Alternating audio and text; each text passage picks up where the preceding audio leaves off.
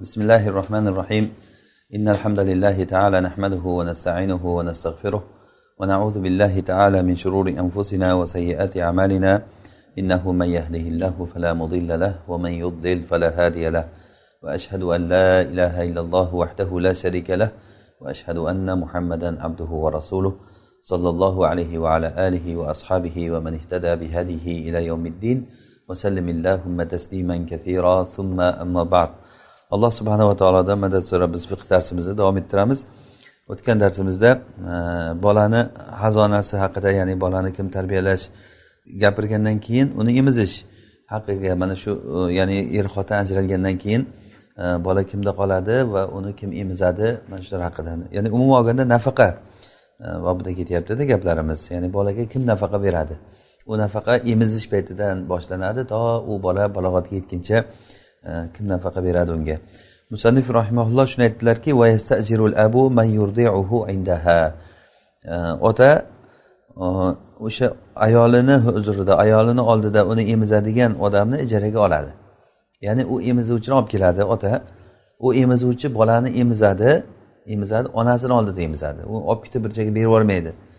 Chunki ona unda xazona haqqi onaniki. Biz e, yuqorida darslarimizda aytdikki xazona haqqi ya'ni bolani tarbiyalash bola kimni oldida turadi? Onani oldida turadi birinchi o'rinda. Agarda unga ona aytsaki men emizmayman deydigan bo'lsa haqqi bor agar boshqa emizuvchi topilsa er boy bo'lsa va boshqa emizuvchilar bo'lsa. Ammo er kambag'al bo'lsa puli bo'lmasa boshqa emizuvchilar yoki bo'lmasa yoki bo'lmasa u bola o'zini onasidan boshqa ayolni ko'kragini olmasa ya'ni emmasa unda tayin bo'lib qoladiki bu ayol emizish kerak. O'zi emizishi kerak bo'ladi. Ammo agar unday bo'lmasa boshqa bir ayolni olib kelib turib e, emizsa bo'ladi.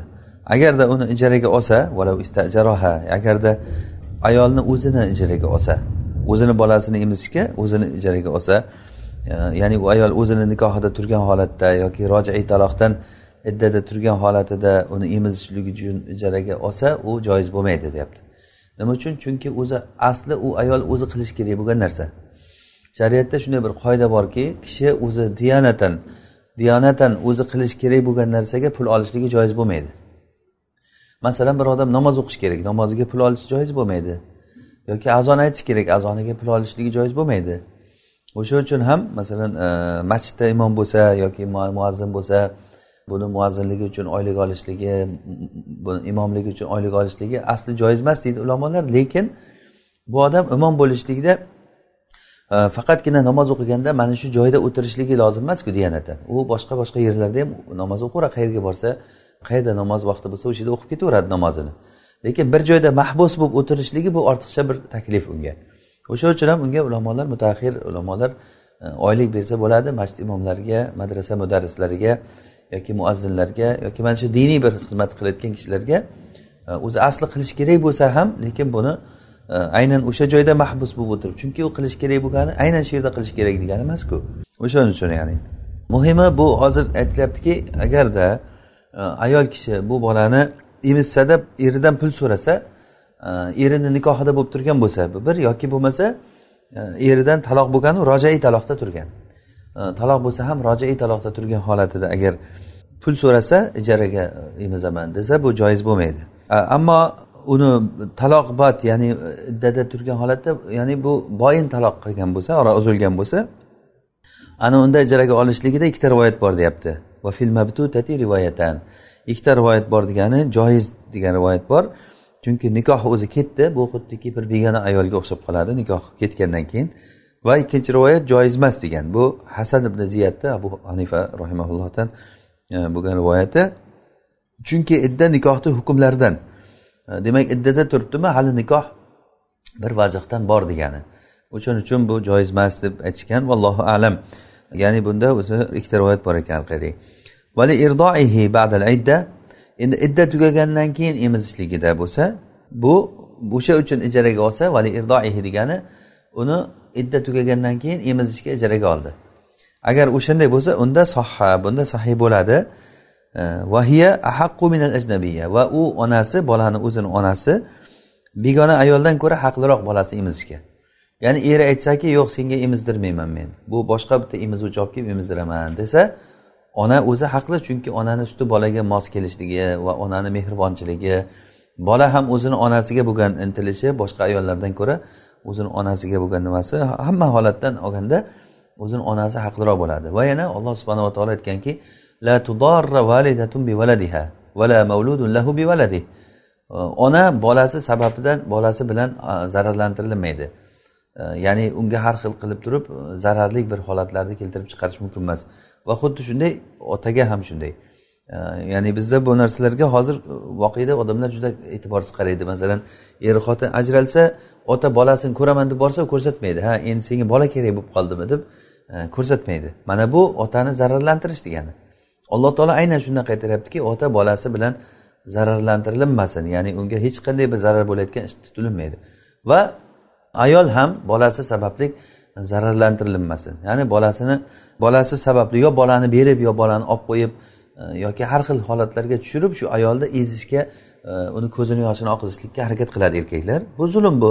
Alloh subhanava taolo ochiqdan ochiq bundan qaytardiki ayol kishi o'zini bolasi bilan zararlantirilmaydi. Hozirgidek uni emdirmay boshqa ayolga berib qo'yishligi bu bolani onasi o'zi mehr bilan bir emizgisi kelib turgan paytda uni olib qo'yishligi bu unga zararlantirish bo'ladi zarar berish bo'ladi ayolga. Bu joiz emas. Illo qachon? Begonadan ko'ra haqliroq bo'lmay qoladi. Illa antatluba ziyadata ajr. Begona ayol ortiqcha xizmat haqi talab qilsa ortiqcha xizmat haqi. Masalan begona ayol teginga emizib beraman deyapti bu aytyapti oyiga ming dirham berasan deb katta pulni aytyapti masalan. Er bera oladi lekin qiynalib beradi. O'shanday paytda bu erni zararlantirish bo'ladi. Ha manada tegin emizuvchi turgan bo'lsa yoki arzon emizuvchi turgan bo'lsa senga nega buncha katta pul beraman deydi. O'z uz o'zidan er zararga kiradi. O'sha uchun o'sha oyatga muvofiq zararlantirilmasin degandan keyin xotinga emizdiriladi. Qachon? Ya'ni muvofiq bo'lsa hamma tomon to'g'ri kelsa. Allohu alam. Keyin musanif rahimalloh aytyaptilarki va nafaqatul binti balig'atan val ibni zaminan e, alal abi xossatan biz o'zi nafaqalar kitobini bobini o'qiyapmiz nafaqa kimga vojib kimni nafaqasi kimga vojib bo'ladi deb. Qiz bola balog'atga yetgan holatida uni nafaqasi ya'ni balog'atga yetgan holatda agar uni eri bo'lmasa balog'atga yetgan bo'lsa ham yosh bu yosh qiznikiku o'zi otaga otaga o'zi ota uni nafaqasini berish vojib. Hatto qiz bola balog'atga yetgandan keyin ham uni nafaqasi otaga vojib bo'ladi. Masalan bu g'arbdagi odamlarni hayotiga qarasa bola o'n sakkizga kirgandan keyin e, uni ota ona ta'minlashi shart emas deydi. U o'zini kunini o'zi ko'rishi kerak. Bola o'zini kunini o'zi ko'rishi kerak. Shariatda unday emas. Shariatda qiz bola o'n sakkizga kiradimi yigirmaga kiradimi o'ttizga kiradimi qirqqa kiradimi eri bo'lmasa albatta uni otasi otasi bo'lmasa undan keyingi tartibga ko'ra asabalar biz aytgan edik yuqorida o'shalar nafaqa berishligi vojib bo'ladi. Ho'p qiz bolani nafaqasi balog'atga yetgan bo'lsa va o'g'il bola balog'atga yetgan bo'lsa agarda e, zamin bo'lsa zamin degani u ishga yaramaydigan ishga yaramaydigan nogiron bo'lsa nogiron oyog'i e, masalan shol bo'lsa e, yoki bo'lmasa ko'zi ko'r bo'lsa masalan ishlamaydigan yoki aqli e, yo'q bo'lsa majnun bo'lsa kasb qilishlikka hech iloji yo'q bo'lgan e, ojiz odam bo'lsa ojiz odam bo'lsa mana shunda e, buni nafaqasi otaga vojib bo'ladi. Xossatan otaga. Chunki bunda hech kim bu ota bilan birga sherik bo'lmaydi. Va bihi yufta fatvo shunga. Fatvo shunga. Ya'ni onaga hech qanaqangi bu yerda nimasi yo'q. Onaga bir majburiyat yo'q. Xossatan otaga degani bu yerda ona hech ishtirok etmaydi nafaqada. Chunki o'zi onani nafaqasi o'zi otaga bo'lib o'tirgandan keyin endi u bolalarni nafaqasi onaga vojib deyishligimiz bu hech to'g'ri kelmaydigan narsa. Alloh subhanahu va taolo ya'ni ar rijalu qavvamuna ala nisa er-, erkaklar ayollardan ustun bo'ladi. Bima faddalallohu ba'dahum ala ba'd va bima anfaqu min amvalihim mollarida nafaqa qilganliklari bilan sababidan. Ya'ni erkak kishi oilada ro'zg'or boshi va mas'uliyatni shuni bo'ynida. Butun ro'zg'ordagi nafaqalar kim nimani nafaqaga muhtoj bo'lsa e, ya'ni mana shu erkak kishini otani vazifasida bo'ladi. Va alal musiri yasa va alal musir yasarol fitra nafaqatu fitr sadaqasini boyligida boyligi bor bo'lgan odam fitr sadaqasida berishlik vojib bo'lgan odam demoqchilar ya'ni. fitr sadaqasi kimga vojib bo'ladi? Zakotga zakot nisobiga yetgan moli bor bo'lgan odamga. Masalan bir odamni zakot nisobiga yetgan moli bor. Zakot nisobiga yetganlik moli bor. Mana shu odam zakot nisobiga bu fitr sadaqasini berishga bir yil aylangan bo'lmasa ham. Ana shu odamga ya'ni nisobga yetgan moli bor bo'lgan odamga vojib bo'ladi. O'zini faqir asllariga nafaqa berish. Asl degani inson yuqori tarafi. Otasi bobosi qancha yuqori bo'lsa ham.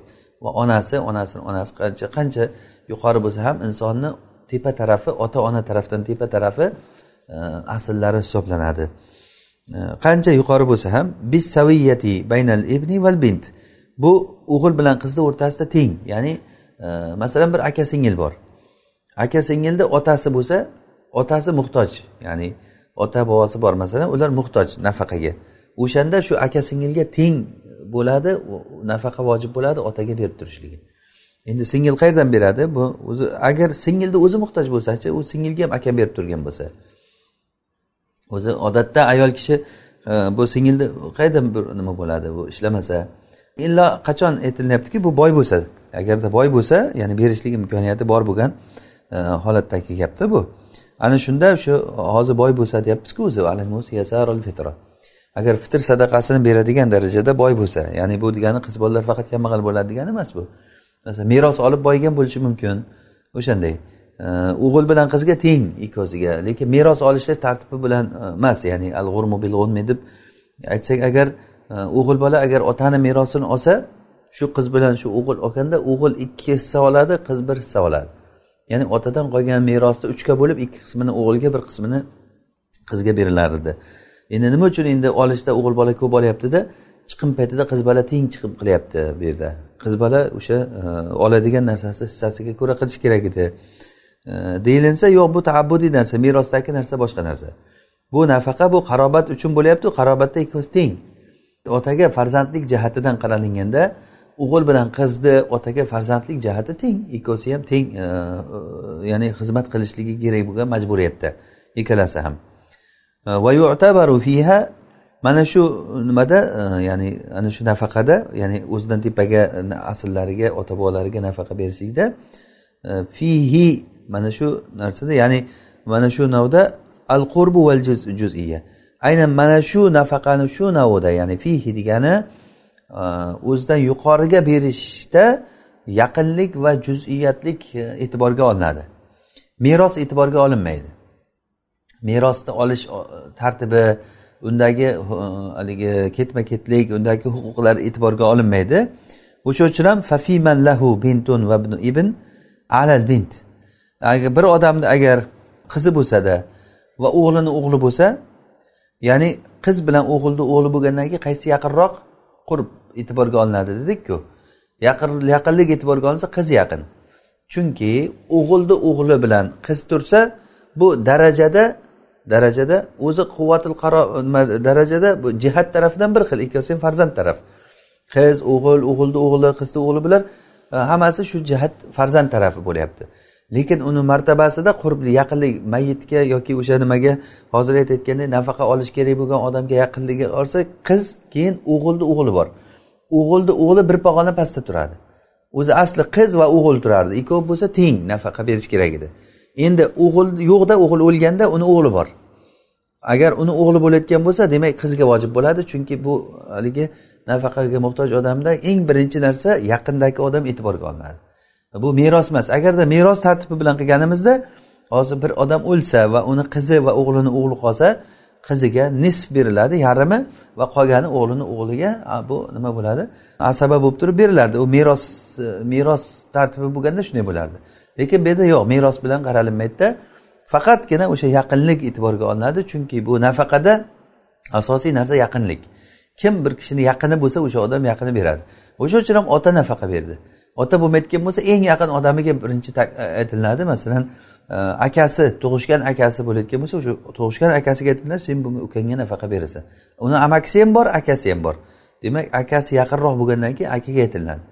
Endi aka ham tug'ishgan aka bor ota bir aka bor ona bir aka bor.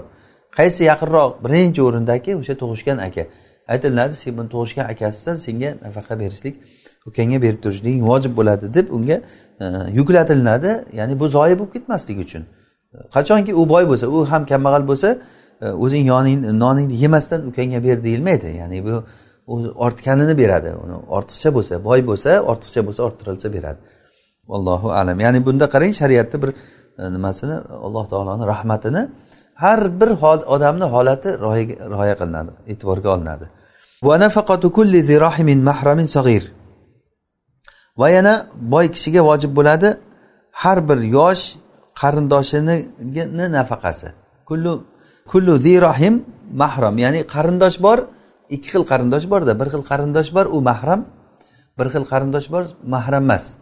Ya'ni mahram deganda agarda shuni ayol masalan o'g'il kishiga nisbatan aytsak u qarindoshini ayol deb tasavvur qilinsa unga nikoh buyurmaydi.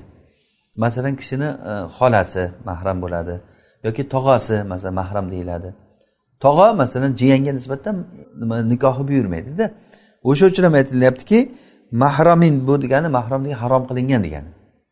Nomahram deb qo'yamizku biza nomahram degani muharram emas degani. Ya'ni unga nikoh buyuradi degani. Bir biriga aqd qilsa uylansa bo'ladi degani nomahram degani. Ammo mahram degani nikoh buyurmaydi degani. Mana shu nikoh buyurmaydigan qarindoshiga kichik bo'lsa nafaqa vojib bo'ladi boy kishiga. Ya'ni bir odamni masalan xolasi kambag'al ekan? Yeyishga noni yo'q bo'lib o'tirsa bunga qozi aytadiki sen jiyan xolangga nafaqa berasan deyiladi. Uni yetarli darajada faqatgina uni sharti boy bo'lishi kerakda haligi odam. O'zidan orttirib bera olishi kerak u odam. Yoki bo'lmasa av balig'otin faqirotin yoki bo'lmasa balog'atga yetgan qiz bola bo'lsa ham unga nafaqa berish vojib bo'ladi. Qarindoshlari berishi kerak unga boy qarindoshlari u kambag'al bo'lsa faqir bo'lsa. Ammo boy bo'lsa unga nafaqa berishlik vojib emas. Ammo xotin boy bo'lsa ham nafaqa berishlik erga vojib. Masalan bir kishi xotinga uylandi u xotin o'zi erdan ham boy.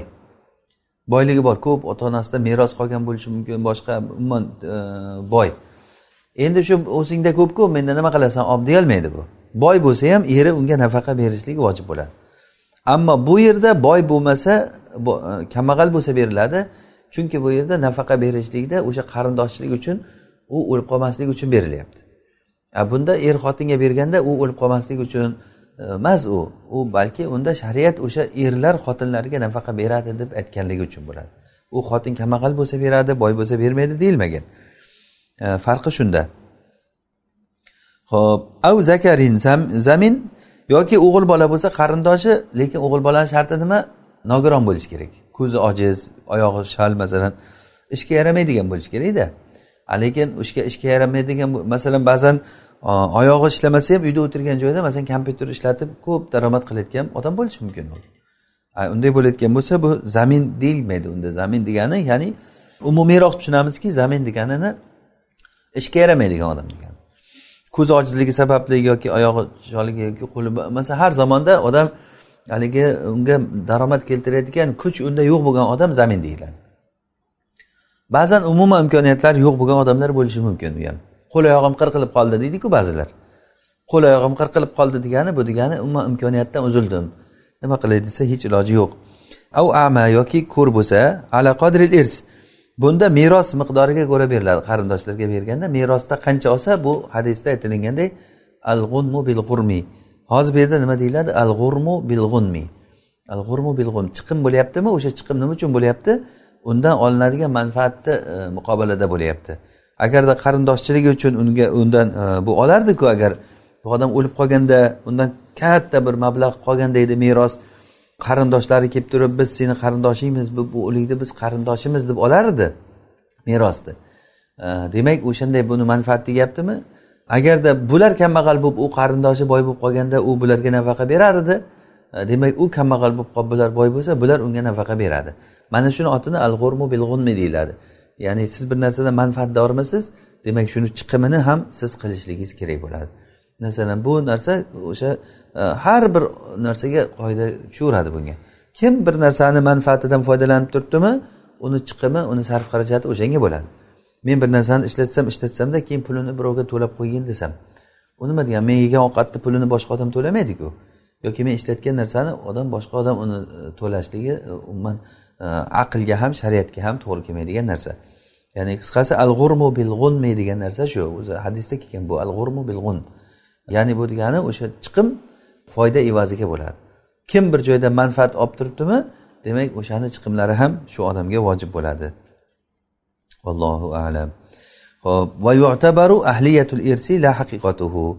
Keyin qarindoshlarga mahram bo'lgan qarindoshlarga nafaqa berishlikda merosga ahliyati bu yerda e'tiborga olinadi. Ya'ni umuman olganda shu odam shu meros olsa ola oladimi olalar edimi desak ha oladi meros desa bo'ldi. Uni haqiqatdan meros oladigan bo'lishligi shart emas. Ya'ni meros oladi deydigan odam bo'lsa bo'ldi.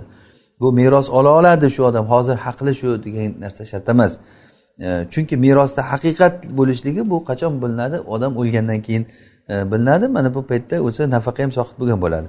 E, masalan endi shu gapdan kelib chiqadiki bir kishini masalan tog'asi bor va amakisini o'g'li bor. O'shanda nafaqa tog'aga vojib bo'ladi. Chunki biz aytdikki nafaqa qarindoshchilik qarindoshchilikni yaqinligi bilan bo'ladi deb aytdik ham. Keyin hozir bu yerda umuman olganda tog'a tog'a merosga ahli odam. Ya'ni hech kimi bo'lmasa shu odamni merosda hali bizga kitobil faroizda buni batafsil inshaalloh aytamiz. Agar bir odamni meros oladigan uni merosxo'rlari faroiz ashobil faroiz deyiladi qur'onda sunnada ularni nasibasi to'liq aytilingan odamlar.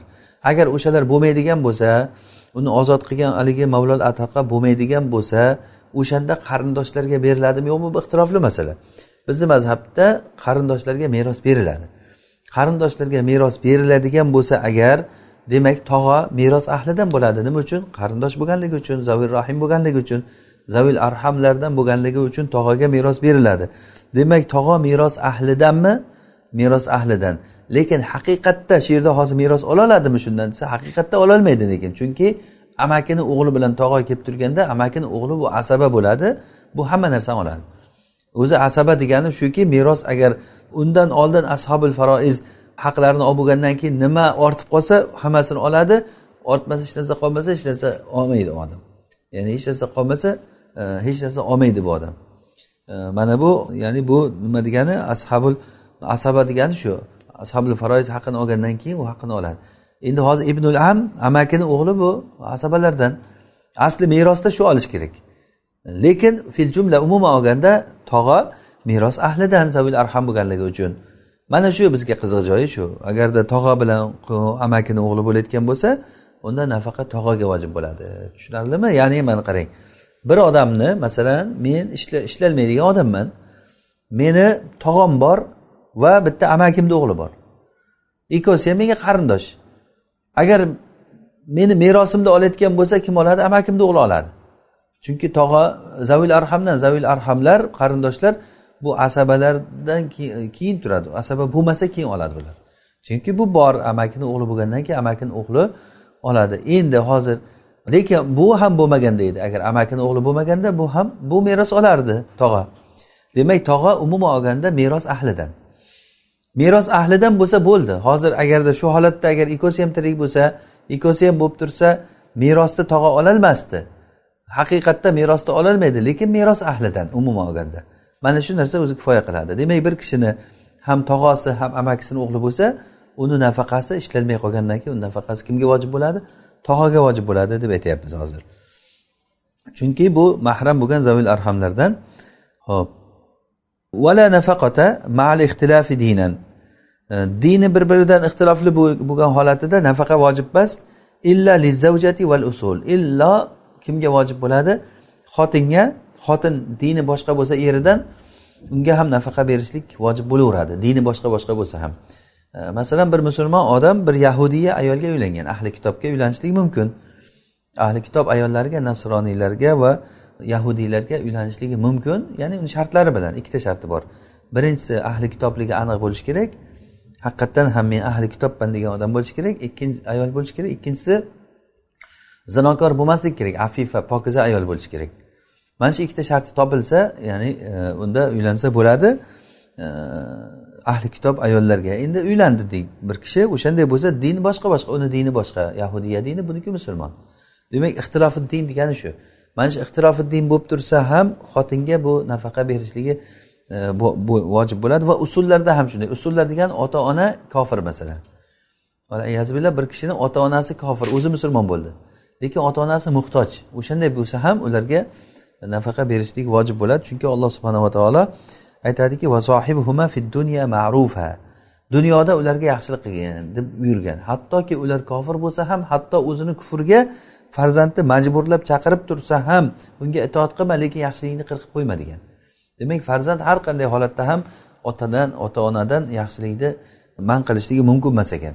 Hatto kofir bo'lsa ham hatto o'zini kufriga chaqirib tursa ham ota onaga yaxshilik qilish kerak ekan. Alloh subhanava taolo buni ochiq oyatda aytgan.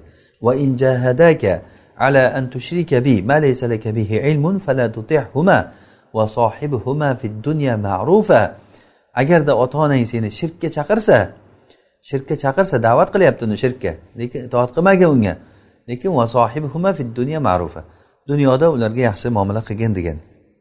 Ho'p demak qarang hozir ixtilofuddin bo'lsa faqatgina xotin va usullarga ota onaga ixtilofuddin bo'lsa ham ixtilofuddin degani dini boshqa boshqa degan buni dini boshqa uni dini boshqa.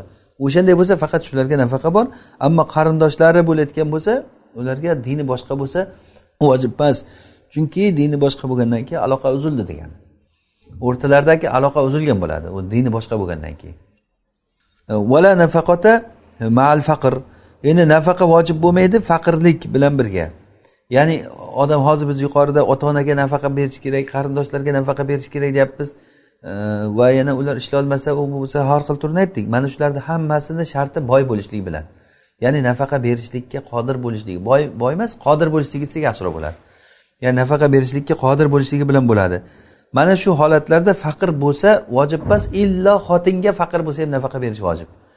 Masalan bir er kishi ayolga uylangandan keyin u boymi kambag'almi xotiniga nafaqa berishligi shart. Men hech narsam yo'q men qayerdan beraman? E, bo'lsa beraman bo'lmasa sabr qilib yuraver deyolmaydi. Yo nafaqa berish kerak yoki bo'lmasa u xotin aytadiki xotin haqidan ketsa mayli. Yo nafaqasi kerak emas desa mayli. Lekin xotin nafaqani talab qilib tursa er shartki nafaqani berishligi. Qanday qilib olib beriladi? Erda hech narsa bo'lmasa erni hisobidan qarz olib beriladi unga. Aytadiki qozi sen boshqa bir kishidan qarz olganda eringni otini yozdirib qo'yaver deydi. Eri qarz bo'lib qolaveradi. Ertaga haligi boy e, nimalar qarz egalari so'rab kelsa erini ko'rsatib yuboradi o'sha eri e, to'lash kerak uni.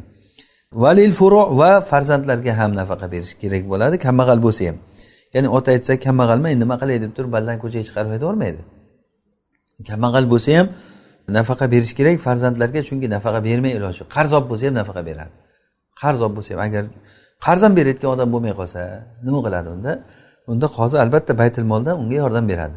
Unday paytda lekin o'shandan oldin baytil moldan oldin musulmonlarni puliga tegishlikdan oldin o'zini shaxsiy mulklaridan foydalaniladida birinchi o'rinda. Mana shunda o'sha kambag'al bo'lsa ham farzandlariga berish kerak bo'ladi. Va yana boy kishi uchun nafaqa berilmaydi. Boyga nafaqa vojib emas ya'ni boy kishini masalan bir kishini ota onasi boy farzand ham boy ota onasi ham boy. Ota onaga berish vojib emas. Ya'ni o'zi boy shundoq ham ular. Yoki bir qarindoshingiz bor u ham boy. U ishlashga qodir emas lekin boyligi bor. Demak unga ham nafaqa vojib emas. Illo bir kishiga vojib boy bo'lsa ham kim? U xotinga. Agar xotin boy bo'lsa ham nafaqa so'rashlikka haqi bor. Nafaqa so'rasa o'zingda menikidan ko'pku seni puling desa u meni o'zimni pulim sen menga nafaqa e, deb berishliging kerak deb xotin talab qilishlikka haqqi bor. Chunki E, nafaqa bu xotinni haqqi bu xolis haqqi. Agar xohlasa kechadi. Nafaqasi xohlasa nafaqasidan kechib yuborishligi mumkin xotin haqqidan. Lekin kechmasdan e, beraman ber deb talab qilsa haqqi bor. Ho'p e, keyin yana bir boshqa masala endi qarang. Musanif aytyaptilarki va baal abu ardo ibnihi. Agarda ota o'zini o'g'lini ya'ni bir joyga safar qilib ketgan yoshi katta o'g'lini tovarini sotib yuborsa tovarini sotib yuborsa la aqorahu uni ko'chmas mulkini emas ya'ni ko'chmas mulkini sotsa bo'lmaydi. Uni aqori aqor bu ko'chmas mulk. Aqori nimasida uni arz degani ko'chib yuriladigan mollari. Ya'ni ko'chirib bir joydan ikkinchi joyga olib o'tsa bo'layotgan matolar bular arz deyiladi hamma narsa. Mana uruzi tijora deb qo'yamiz tijorat mollari. O'shasini o'g'linikini sotsa li nafaqotihi o'zini nafaqasi uchun. Nafaqasi uchun sotsa lalidaynin qarzi uchun emas ya'ni bu qarzini bu qarz degani o'g'lini narsasini e, lalidaynin lahu ya'ni ota uchun o'g'ilni ustidagi qarzni uchun emas. Ya'ni o'g'il otaga berish kerak bo'lgan narsani o'g'il yo'q paytda ota uni narsasini sotib olib olsa o'ziga. Bunda bo'lmaydi deyapti.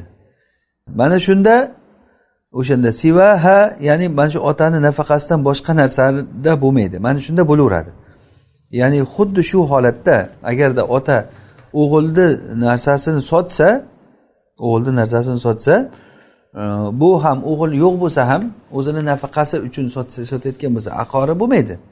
E, aqorini sotolmaydi lekin buni nafaqasini sotsa nafaqasi uchun uni narsasini haligi ko'chirib yuradigan narsasini sotsa bo'layotgan narsa deydi bu. O'shasini sotsa ota javobgar bo'lmaydi chunki nafaqasi uchun e, sotgan bo'ladi va farzand o'zi shunda ham otaga berish kerak bo'lgan narsani berish kerak bo'lgan narsani olgan bo'ladi. Berish kerak bo'lgan narsani so'ramay masalan masalan e, meni narsam sizda sizda turibdi. E, sizda turibdi keyin men bir ilojini qilib qoldim sizdan olib olishga. Siz bilmaysiz uni.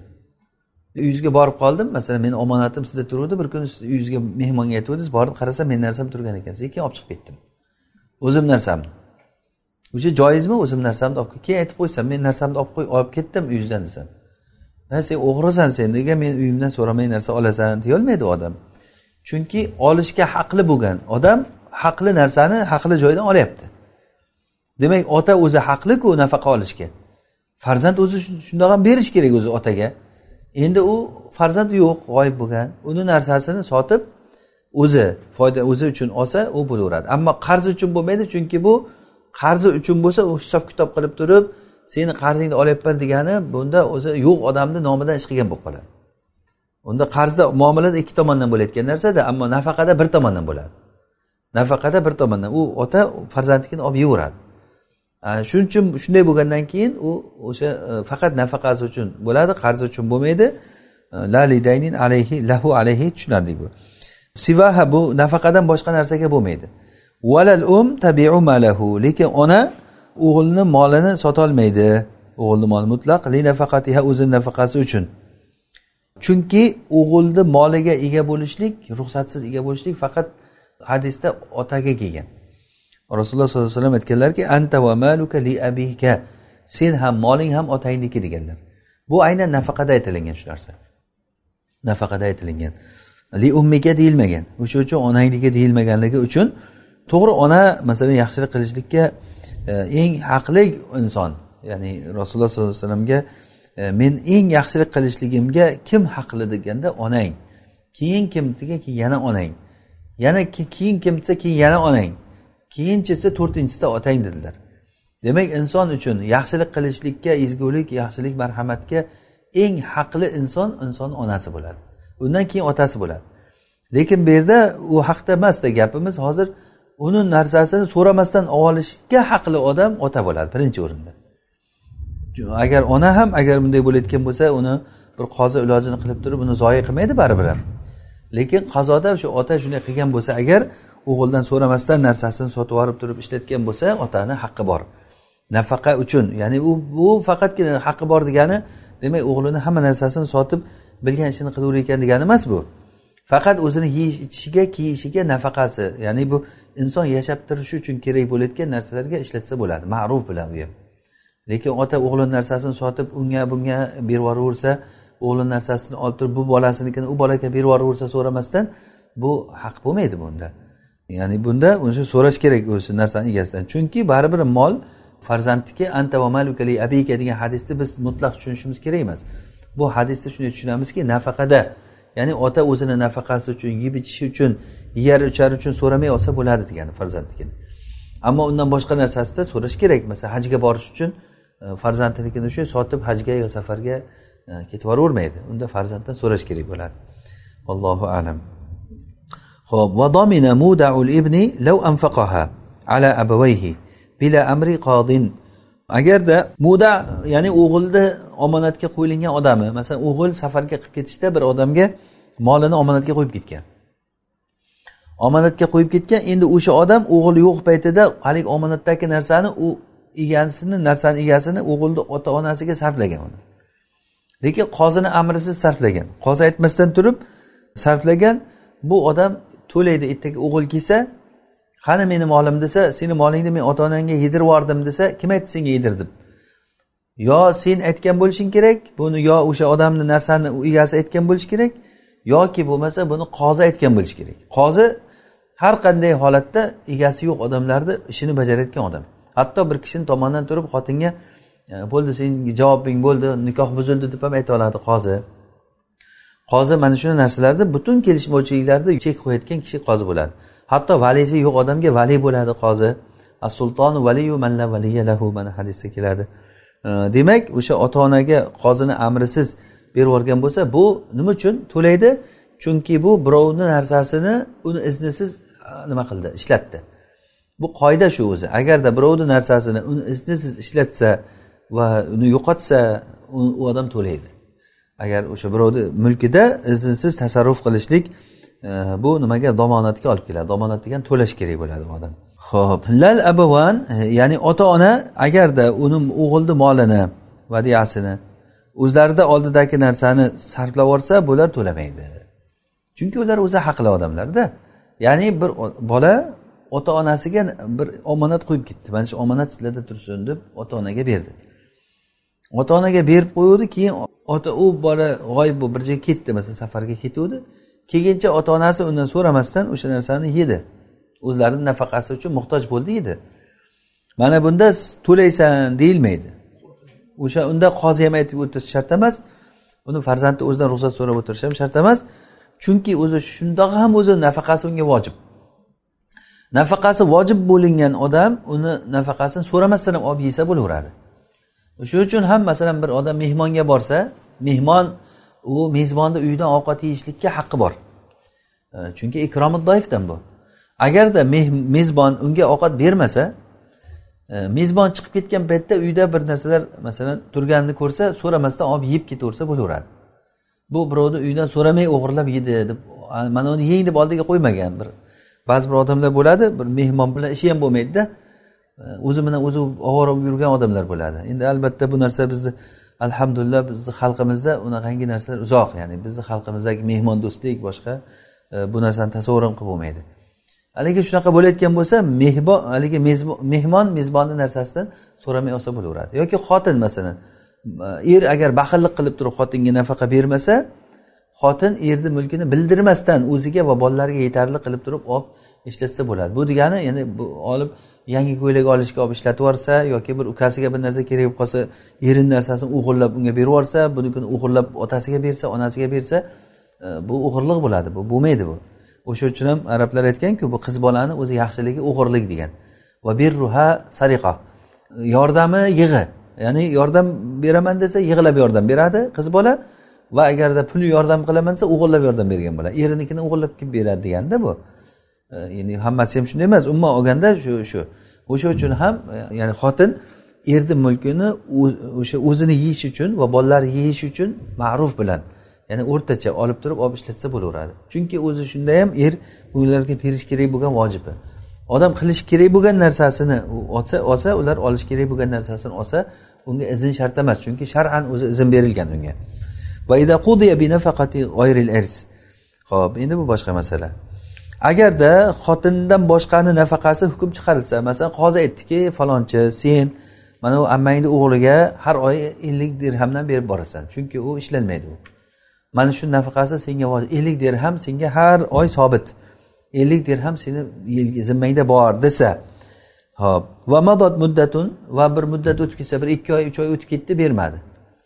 Qozi belgilab qo'yuvdi o'zi lekin bermadi. Har qalay yashabdi endi baribir ham. Yana qozixonaga keldi ammani o'g'li kelyaptida aytyaptiki menga bermadi bu. Mana uch oy o'tib ketdi hech narsa bermadi dedi. O'sha o'tgan kunlari soqitib ketaveradi ya'ni soqit bo'ladi. Chunki bu bularni nafaqasi nima uchun desak o'zi hojatiga kifoya qilishligi uchun aytilingan endi kunlar o'tishligi bilan o'zi bo'pti nima bo'lsa bo'pti. O'tgan ishga salovat deb shuni aytiladi. O'tgan ishga salovat nima bo'lsa ham endi o'lmabsanku baribir hozir mana shu yerda alhamdulillah gapirib turibsan. O'tgan kun o'tdi bundan keyin beradi senga deb bundan keyingi qattiqroq aytib unga bo'yniga qo'yiladi. Ho'p illa qozi illa qozi uni nomidan qarz so'rashlikka izn bergan bo'lsa haligi qarindoshga. Haligi qozi pul ajratib berdi har oy ellik dirhamdan berib turasan degandan keyin keyin haligi qarindosh aytsaki e, bu bermayapti menga pulni boshqa bir odamdan qarz olib turaveray buni nomidan desa qozi aytadi bo'pti ol desa u qarz olsa keyin haligi qarz egasiga qarindoshni ko'rsatib yuboradi kelganda va nafaqatul mamluk va qulni nafaqasi ala sayyidihi sayyidni zimmasida ha bu ham al g'urmu bil g'unmi u qulni kim ishlatyapti? Sayyidmi? Demak uni nafaqasi ham bunga. Ana shu qoidani biz aytaveramiz aytaveramiz. Baylarda ham keladi bu boshqa nimalarda ham keladi. Hali sherikchiliklarda ham keladi bu hadis. Bizga katta bir narsani e, nima qiladi? Ya'ni al g'urmu bil g'unmi degan narsa. Al g'urmu bil g'unm ya'ni al g'urm degani chiqim nima bilan bo'ladi? Kirim nimasi barobarida bo'ladi. Kimgaki kirim bo'lyaptimi shu kirim bo'layotgan narsani chiqimi ham shunga vojib bo'ladi. Masalan bir eshakni kim minsa uni e, taomini uni nafaqasini shu odam berishi kerak.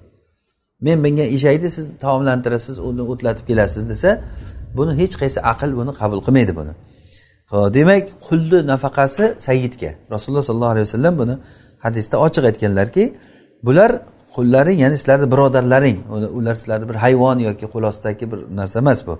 Alloh taolo ularni sizlarni qo'l ostilaringga qilib qo'ydi. Jaalahumullohu tahta aydikum.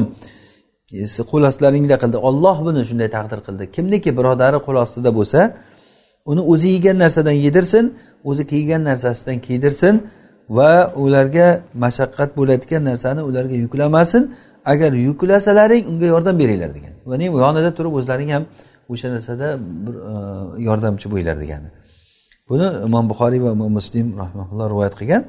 Demak mana shundan chiqadiki o'zi yegan narsasini yedirsin kiygan narsasini kiydirsin degani aynan nafaqa mana o'sha uni toqatidan tashqari yuklamasin. Bu nafaqa demak qullarni nafaqasi sayyidga bo'ladi. Fain aba agarda sayyid unamasa nafaqa berishlikka masalan o'zini nimasiga e, nafaqa bermaydi quliga. O'shanda bu o'zi mamluk kasb qilib turib o'ziga o'zi nafaqa qiladi. Ya'ni xo'jayindan so'ramasdan borib ijara ishlab e, birovlarni uylarida xizmatchi bo'lib ishlaydida kimnidir yukini bir joyga ko'tarib olib borib beradi. Yoki qo'ldan kelgancha nima pul topishga harakat qilsa halol yo'l bilan pul topib turib o'zini yeydiganchalik ishlatadida qolganini saidga olib kelib beraveradi yo sen mendan ruxsatsiz harom yeyapsan hozir. Meni ruxsatimsiz sen ishlab ketyapsan deyolmaydi sayyid chunki sayyid unga nafaqa bermayapti. Mana bu ochidan o'lish kerak emas nafaqa bermasa ochidan o'lish kerak emas bu. Ya'ni mana bunda o'zi ishlaydidan keyin ishlab o'ziga o'zi nafaqaladi va in ajaza anhu agarda ishlashga ojiz bo'lsachi yosh qari masalan qul bo'lsa e, ishlolmaydi yoki ayol kishi bo'lsa ko'chaga chiqib ishlolmaydigan e, bo'lsa yosh bo'lsa yoki yoki bir shal bo'lsa masalan e, nogiron bo'lsa ko'zi ojiz yoki oyog'i ishlamaydigan bo'lsa o'shanda uni sotishga buyuriladi. Unda saidga aytiladiki qozi kelib aytadiki yo buni nafaqasini ber yo buni sot deydi boshqaga. Yo'q sotmayman desa qozi uni majburlab sottirib yuboradi.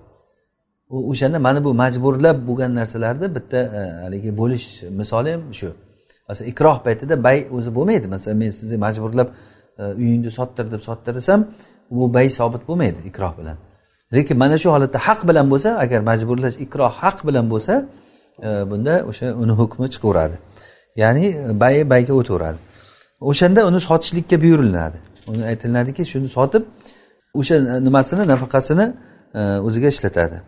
Vallohu alam. Mana shu bilan endi hozir biz nimani tugatdik? Nafaqalar bobini mana ko'rib turganimizdek shariatda shunchalik darajada bir e, alloh subhanahu va taolo bir e, hikmatli zotki hech kimni e'tibordan chetda qoldirmagan. Hech kimni e'tibordan chetda qoldirmagan. Hammasini o'sha e, holatlari foydalari e'tiborga olingan. Keyingi kitobimiz kitabul aytoq. Kitabul ataq yoki bu qul ozod qilishlik qul ozod qilishlik kitobi. Hozir bizda qulchilik yo'q endi. Qulchilik yo'q. O'zi qul qayerdan keladi?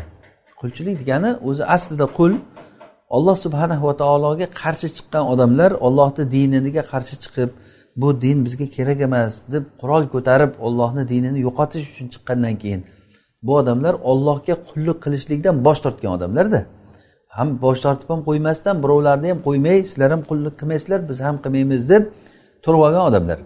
Mana shu odamlarga olloh subhanahu va taolo jazo berdiki musulmonlar ularni bosib olgandan keyin ularni ollohga qul bo'lishlikka unamagandan keyin alloh taolo o'zini qullariga qul qilib berib qo'ydi.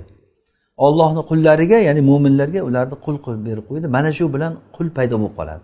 O'zi qul qayerdan paydo bo'ladi desangiz mana shu. O'zi aslida masalan bir hur kishini bozorga olib chiqib to'rttasi qo'l oyog'ini baylab olib borib qul qilib sotib yuborishligi mumkin emas bu. Alloh subhanava taolo u odamga qaramaydi gapirmaydi unga alamli azob bor. Rasululloh sollallohu alayhi vasallam ani sahih hadisda aytganlarki uchta toifa odamga alloh taolo qiyomat kuni qaramaydi gapirmaydi. Ularga alamlik azob bor. Ulardan biri hur kishini olib borib qul qilib sotib yuborgan odam. Hur kishini sotib yuborgan demak bu mumkin emas. Hur odam hech qachon qul qulga aylanib qolishi hattoki masalan odam o'zini o'zi qul qilishlik mumkin emas. Aytsaki bo'ldi men bugundan boshlab o'zimni o'zim qul deb e'lon qilaman e, sotinglar meni desa. Bunga hech kimda haqqi yo'q buni.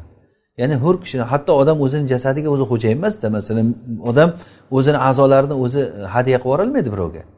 Meni bitta ko'zimni o'yib olmayli ruxsat beraman desa u ko'zini o'yib olsa bu odam gunohkor bo'ladi. Mumkin emas bunday deyishlik o'yib oluvchi ham bu ruxsat bergan odam mumkin emas. Man qo'limni kesib tashlash kerak emas menga qo'l deb ruxsat berishligi mumkin emas. Chunki bu jasad omonat bizni ruhimiz uchun. O'zi asli insondagi asosiy narsa ruhku. O'sha ruhga berilingan bu omonat bu jasad. Mana shu omonatni asrab avaylashligimiz uni haqqini ado qilishligimiz vojib bo'ladi. Alayka haqqon seni jasadingni ustingda haqqi bor deganliklari kabi. Demak o'sha qul qayerdan keldi? Paydo bo'ladi. Buni tushundik a ya'ni ollohga qul bo'lishlikka unamagan odamlarni qurol ko'tarib chiqib ollohni dinini puflab o'chiraman degan odamlarni alloh subhanava taolo o'zini qullariga qul qilib berib qo'ydi. Keyin bu ham bir tarbiya nimasi maktabi bo'ldi qulchilik. Tarbiya maktabi bo'ldi. Ular mana shunday e, majburiy bir qul bo'lib tushgandan keyin o'zi ne'matni qadrlashligini biladi. Uni huquqlaridan ancha narsa huquqlardan paymol qilingan lekin shu bilan birgalikda ularga yana yengilliklar ochib qo'ygan alloh taolo ularni nafaqasi sayyidini bo'ynida. Sayyid ishlatsa ularni toqatidan tashqari narsani yuklamaydi. Ularni urish mumkin emas qul ekan deb turib buni yoki a'zolarini kesish boshqa qilish mumkin emas. Ularga namoz vojib bo'ladi jamoatlarga borishligi mumkin lekin vojib emas borishligi jamoatlarga. Juma vojib emas e, hidlarga borish vojib emas lekin borsa mayli. Shariat ularni ozod qilishlikka yo'llar ochib qo'ydi keyin. Hattoki bu yo'llarni ibodat darajasigacha chiqarib qo'ydi. Mana kaforatda masalan qasam ichgan odam qul ozod qiladi yoki zihor qilgan odam qul ozod qiladi. Va hokazo e, mana ro'zasini buzib qo'ygan odam qul ozod qiladi. Qul ozod qilishlikni alloh taolo shunday bir ibodat tarziga kirgizib qo'ydiki odamlardan kimdir qasam ichadi kimdir zihor qilib qo'yadi bu yoqdan qullar bitta bitta ozod bo'lib ketaveradi. Demak bu bir madrasa bo'lyapti. Ya'ni bu yoqdan ollohga bo'ysunmay ollohga qarshi chiqqan odamlar kelib qulchilikka kiryaptida tarbiyalanib turib hur bo'lib chiqib ketyapti ne'matni qadrini bilib kimligini bilib chiqib ketyapti. Sen kimligingni bilgin. Agar ollohga qul bo'lishlikka unamasang ollohni quliga qul bo'lasan bandaga qul bo'lasan degan. O'zi haqiqatdan ham voqeda shunday emasmi? Kim agar ollohga qul bo'lishdan bosh tortsa qadaran alloh subhanava taolo uni boshqa narsalarga qul qilib qo'ygan. Hozir odamlar ollohga qul bo'lmaymiz degan odamlar boshqa narsalarga qul bandaga qul molga qul mansabga qul yoki bir qayoqdagi bir buloqlardan qabrlardan toshlardan borib so'rab o'shalarni quliga aylanib qolgan odam. Alloh robbil alaminga qul bo'lishlik bu hurriyat degani haqiqiy hurriyat. Haqiqiy ozodlik bu olloh robbil alaminga bosh qo'yish degani. Olloh taologa qul bo'lish. Ollohga qul bo'lgan odam haqiqiy ozod odam bo'ladi. U boshqa odamdan umid ham qilmaydi. Qalbi insonni o'zi ozodligi qalbida bo'ladida birinchidan. Qalb insonni ozod bo'lsa hech kimdan hech narsa tama qilmaydi birovdan umidvor bo'lmaydi birovdan qo'rqmaydi ham. Tavakkali ollohga bo'ladi. Mana bu odam haqiqiy ozod odam bo'ladi. Shuning uchun ham butun ozodlik bu nimada? Shariatda bo'ladi. Ammo haqiqiy qullik shariatdan bosh tortishda bo'ladi. Hozir odamlar aytadi shariat qulchilikka chaqiradi. Shariat qulchilikdan chiqarishga chaqiradi. Qulchilik o'zi nimaligini odam tushunib olish kerak. Hozir odamlar bir biriga qul bo'lib qolmadimi? Bir biriga qul bo'lib qoldi odamlar. Bu qullikdan chiqib ketishlikni iloji ham yo'q. Ammo shariat bo'lsa qanday qul paydo bo'ladi va uni qanday chiqarib yuborish kerak? Bu narsalarni bizga o'rgatgan. Ho'p demak qul ozod qilishlik. Hozir bizni nimamiz? Darsimiz o'zi qulni ozod qilishlik haqida. Qanday qilsa qul ozod bo'ladi. Vahua ya'ni bu qul ozod qilishlik yasihu min hurrin hur kishi tarafidan sahiy bo'ladi. Ya'ni hur odam qulni ozod qilib yuborsa bo'ladi. Bir qul kelib turib boshqa qulni ozod qilib yuborolmaydi masalan bir sayyidni ikkita quli bo'lsa bittasi ikkinchisiga bo'ldi sen ozodsan ketaver desa ozod bo'lib qolavermaydi. U hur bo'lishi kerak hur bo'lishi kerak. Ozod qiluvchi odam va mukallaf bo'lishi kerak. Mukallaf deganligi shar'iy buyruqlar shariatni taklifi uni bo'yniga kelgan balog'atga yetgan aqlli balog'atga yetgan odam bo'ladi. Aqil baliq bo'lgan odam aql aqlli balog'atga yetgan odam e, mukallaf bo'ladi. Agar kofir bo'lsa ham shunda hozir. Agar kofir bo'lsa ham e, chunki bu buni o'sha kofir odam ham agar uni quli bo'lsa o'sha qullarni ozodsan deb yuborsa ozod bo'lib ketaveradi uni. Masalan bir kofir qulni bir zimmiy sotib olsada masalan kofir quli bor bir kishini u kofirni bir zimmiy sotib olsa o'sha zimmiyni qo'l ostida bo'lib qoladi u. Endi o'shani agar u ozod qilib yuborsa ozodligi o'tadi uni. Be sorihin e, sorihi lafzihi. Bu ozod qilishlik sahiy bo'ladi. Ozod qilishlikni ochiq lafzi bilan xuddi taloqda aytganimizdek bu ham. Bunda sarih bor va kinoya bor. Sorih degani ochiqdan ochiq aytadiki sen ozodsan deydi. Bor ketaver sen ozodsan deydi. Bela niyati niyat shart emas. Sen ozodsan bo'ldi sen bugundan boshlab e, sen bizga o'xshagan ozod odam bo'lding sen men ozod qildim desa niyati nima bo'lishidan qat'iy nazar ozod bo'ladi. Hazil bo'lsa ham u niyati hazil bo'lsa ham unda ozod bo'lib ketadi. Chunki buni gapi o'zi shuni chiqaryapti. Masalan aytsaki arabchada ka anta hurrun sen ozodsan degan gap bu. Yoki av mu'taqun sen ozod qilingansan desa av atiqun sen e, bo'ldi sen e, ozod bo'lgan odamsan hammasi bir xil ma'noda. Av ataqtuka seni ozod qildim. Av muharrarun sen e, tamom hurriyatga chiqqan odamsan. Av harrartuka seni hurriyatga chiqardim men desa. Mana bu narsalar hammasi nima? Ozod qilishlikni lafzlari bular. Chunki bular ozod qilishlik uchun shar'an va urfan mana shu ma'noga qo'yilgan. Agarchi bu narsani niyatsiz aytsa ham yo men yolg'onni aytuvdim deb desa ham diyanatan uni gapiga ishonamiz balkim hazillashgandir to'g'ri lekin qadoan buni gapi o'tmaydi. Chunki rasululloh sollallohu alayhi vasallam aytganlarki salasun jidduhunna jiddun va hazluhunna jiddun. Uchta narsa bor uni jiddiy e, jiddiy aytsa ham shu jiddiy bo'ladi hazil qilib aytsa ham jiddiyga o'tadi. Shulardan biri qul ozod qilish deganlar. Va taloq qilish va nikoh qilishlik va ba'zi rivoyatlarda roja xotinidan qaytarib qaytarib olish. Roja ya'ni xotinni taloq qilgan odam kitob taloqda o'tuvdigan xotin taloq qilgan odam men qaytdim deb hazillashib aytsa ham qaytgan bo'lib qolaveradi. Ho'p e, yoki bo'lmasa avhada mavlaya desa bu meni mavlom desa yoki hadihi mavlati desa ayol kishiga bu meni mavlom desa mavlo deganligi mavlo. Agarda bir qulni bir kishi ozod qilsa o'sha ozod qiluvchiga mana bu odam mavlo bo'lib qoladi. Bu unga mavlo bo'ladi u bunga mavlo bo'ladi. Tushunarlimi? Mavlo degani shu ya'ni istilohiy ma'noda. Bu mavlo degani e, haligi o'zbekcha o'zbekchadagi mavlono degan narsa boshqa narsa bu. O'zbekchada mavlono degani haligi bir e, hurmatda tahsir degan ma'noda aytilinadi mavlono hazratlari deb turib bir hurmat ma'nosida haligi afandim deganday ma'noda ishlatilinadi lekin bu arabchadagi mavlo degani bu xos ma'nodagi mavlo. Xos ma'nodagi mavlo ya'ni bu degani mavlo degani xuddiki haligi o'zbek tilida ham paqir degan gap borku. Paqir degani bir bechora odam bir nima odam bu e, bola paqir deb gapiriladi masalan. Bechora degan ma'noda ishlatilinadi bu bola paqirni katta puli bo'lishi ham mumkin masalan boy bo'lishi mumkin bola paqir e, lekin arab tilidagi faqir degani bu istilohiy ma'noda zakot miqdoriga puli yetmagan odam faqir deyiladi. Zakot berolmaydimi u faqir bo'ladi. Zakot berolsa u g'oniy bo'ladi u boy bo'ladi. Istilohiy ma'noda shunday. Demak hozir bizga e, nima demoqchi edim? Mavloni tushuntiryapti degan. Mavlo deganda o'sha demak ozod qilsa masalan men bitta qulni ozod qilsam men o'sha qulga nisbatan mavlo bo'laman u qul menga nisbatan mavlo bo'ladi. Haza mavlaya desam bu meni mavlom desam qulimga aytsamki sen meni mavlomsan desam sen ozod qildim men shuning uchun ham sen meni mavlom bo'lib qolding deganida bu gapni muqtazosi shu chiqadi. Gapni muqtazosi shu chiqadi. Chunki u qachon menga mavlo bo'ladi? Ozod qilsam demak sen meni mavlomsan desam demak o'z uz o'zida men seni ozod qildim endi natijada sen meni mavlom bo'lding bo'ldi sen ozodsan degan gap chiqadi. Bu ochiqdan ochiq gap bu. Yoki ayolga ham aytsa joriyaga bu meni mavlom desa yoki bo'lmasa ya mavlaya desa cho'risiga qarab turib ya mavlaya deb ey meni mavlom deb chaqirsa ey meni mavlom desa sen ozodsan endi men mavlom bo'lding e, shuning uchun seni meni mavlom deb chaqiryapman degan gap bo'ladi. Yoki bo'lmasa mana shular hammasi nima degani bu? Bu ozod qilish degani. Ozod qilishlikni suratlari bular. Hozir bizda endi buni bu lug'atimizda ham yo'q bu qulni o'zi ham yo'q urfimizda. Ho'p qul bo'lmasa nima keragi bor bu vaqt o'tkazib domla bu qulchilikni gapirib undan ko'ra bir foydali narsa o'qimaymizmi? Bayni o'qisak boshqasini o'qisak deyishligi mumkin lekin bu narsalar birinchidan tolib ilmlarga juda katta manfaatli narsaki bu shariatni hukmi bu. Hozir masalan o'g'rini qo'lini kesmayapti hech kim. Toshbo'ron qilmayapti zinokorni. Endi bularni umr o'qimaymiz. Bu narsalar yo'q degani emasku bu. Shar'iy nimani hukmlarni biz robbil alaminni hukmlarini biz bilishimiz kerak. Shuning uchun ham ko'p tolib ilmlar mana shu e, fiqh o'qiganda kitabul aytoqni o'qimaydi kitabul aymanni o'qimaydi. Xuddiki kerak emasdek bular. Lekin bu narsalar juda ham kerak bo'ladi. Bu shariatni hukmini bilishlik. Keyin fuqarolarni e, ko'p joylarda misollari kelgan paytda mukotab mudabbar muvallat deb misol qilib ketaveradi. Bir narsalarga misol qiladiki tushunmay o'tiradi odam. Mana bu narsalarni bilsa keyin o'sha fiqni ancha yaxshi tushunadi odam.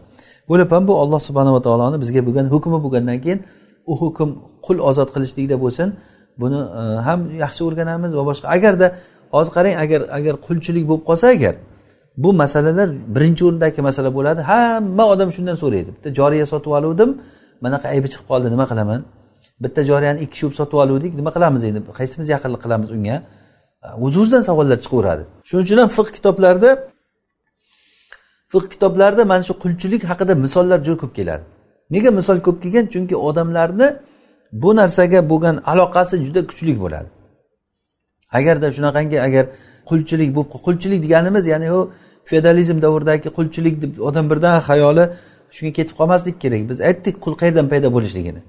Agar o'shanaqangi holat bo'lib qolsa odamlarda juda katta savollar katta e, nimalar chiqadi. Yechimlarni yechib berish kerak bo'lgan masalalar chiqadi. Hur seni boshing ozod desa va shunga o'xshagan narsalar mimma anil badan badanini ta'bir qilinayotgan narsalar aytilsa xuddiki taroqda aytganimizdek mana shu narsalar bilan ozod bo'lib ketadi.